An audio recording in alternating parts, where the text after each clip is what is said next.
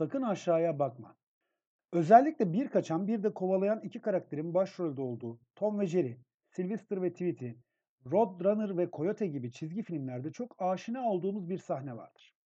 Genellikle şovun sevilmeyeni olan kovalayan karakter, kovalamaca devam ederken bir uçurum kenarına, gökdelen çatısının sonuna ve benzeri bir yere gelir. Ama koşmaya devam eder.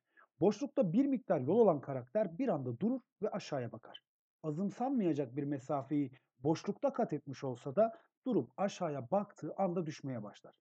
Çizgi filmin kurgusal gerçekliği içine dahil olan izleyici de şunu düşünür.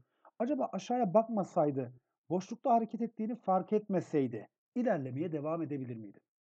Geçtiğimiz günlerde 73 yaşına giren Slavoj Žižek bu çizgi film fenomenini psikanalizle bağlantılandırarak anlatmıştı bir kitabında.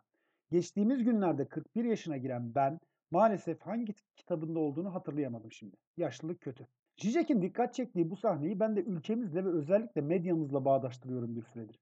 Özellikle ana akım olarak tabir edilen ama son dönemde artık iktidar medyası da diyebileceğimiz basın yayın organlarında benzer bir kurgusal gerçeklik, boşlukta yürümeye devam etme fenomeni sıkça kullanılıyor. 20 Mart 2020 Cumartesi gecesi dolar aniden 8.40 TL seviyesine kadar yükseldi. Malumunuz. Haliyle Twitter'da da o saatler için alışılmadık bir hareketlilik hakimdi. Sıradan Twitter kullanıcılarının büyük çoğunluğunun artık kıyamet kopsa ölmeden önce birkaç komikli tweet atmaya çalışacağını zaten biliyoruz. Ama benim gözüm iktidara yakın medya organlarındaydı.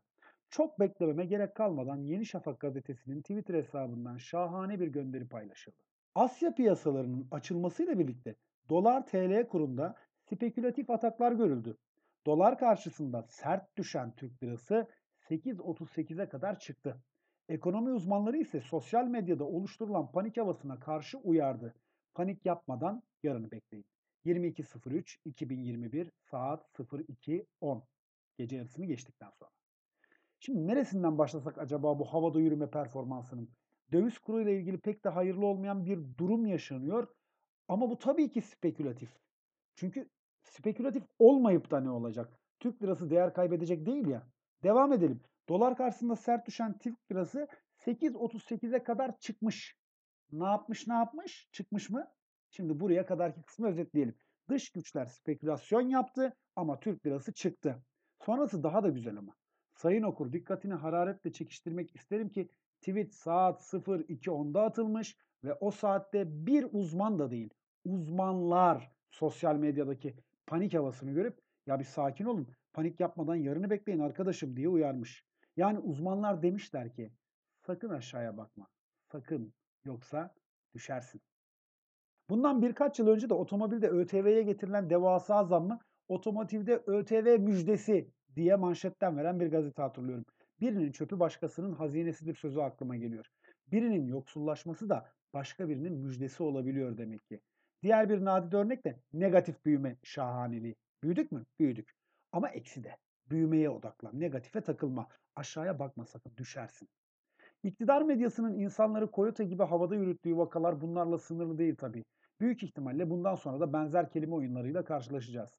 Tabiri mazur görün, havada yürüyeceğini sanan ya da havada yürümeye teşne bu kadar insan varken bunu yapmaları da gayet doğal. Ama Looney Tunes evreninde yaşamadığımızı önünde sonunda herkes anlamak zorunda kalacak.